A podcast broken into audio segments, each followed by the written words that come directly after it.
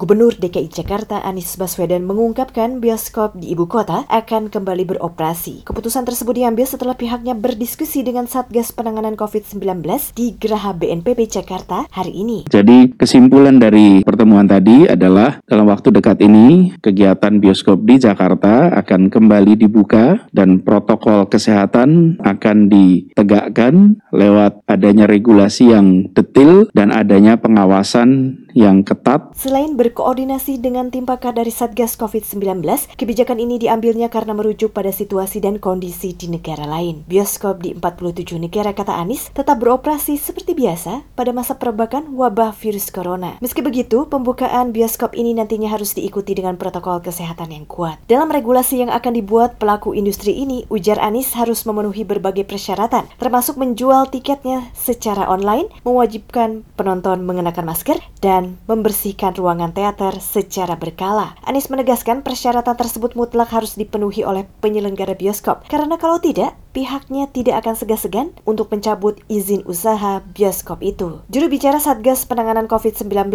Profesor Wiku Adhisa Smito menyebut ada beberapa hal yang harus dipertimbangkan sebelum bioskop dibuka kembali. Pertama, harus dipastikan kesiapan fasilitas utama dan pendukungnya, termasuk masyarakat itu sendiri. Kedua adalah persoalan waktu. Menurut Menurutnya, pembukaan bioskop di DKI Jakarta nanti tidak boleh dilakukan secara serentak namun bertahap.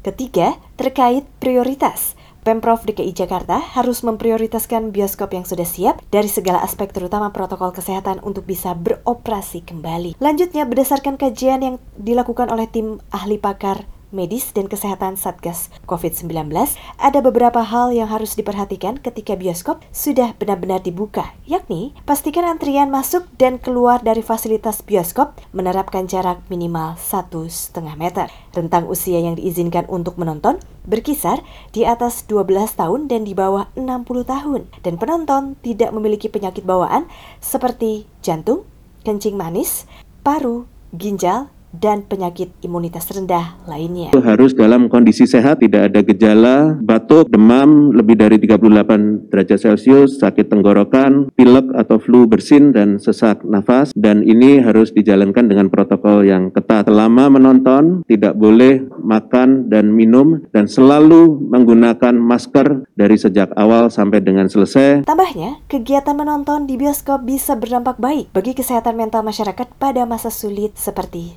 sekarang ini. Perlu kami sampaikan bahwa bioskop dan sinema memang memiliki karakteristik penting dan kontribusi penting terutama dalam memberikan hiburan kepada masyarakat karena imunitas masyarakat juga bisa meningkat karena bahagia atau suasana mental fisik dari para penonton dan masyarakatnya juga ditingkatkan. Dari Jakarta, Gita Intan melaporkan untuk VOA Washington.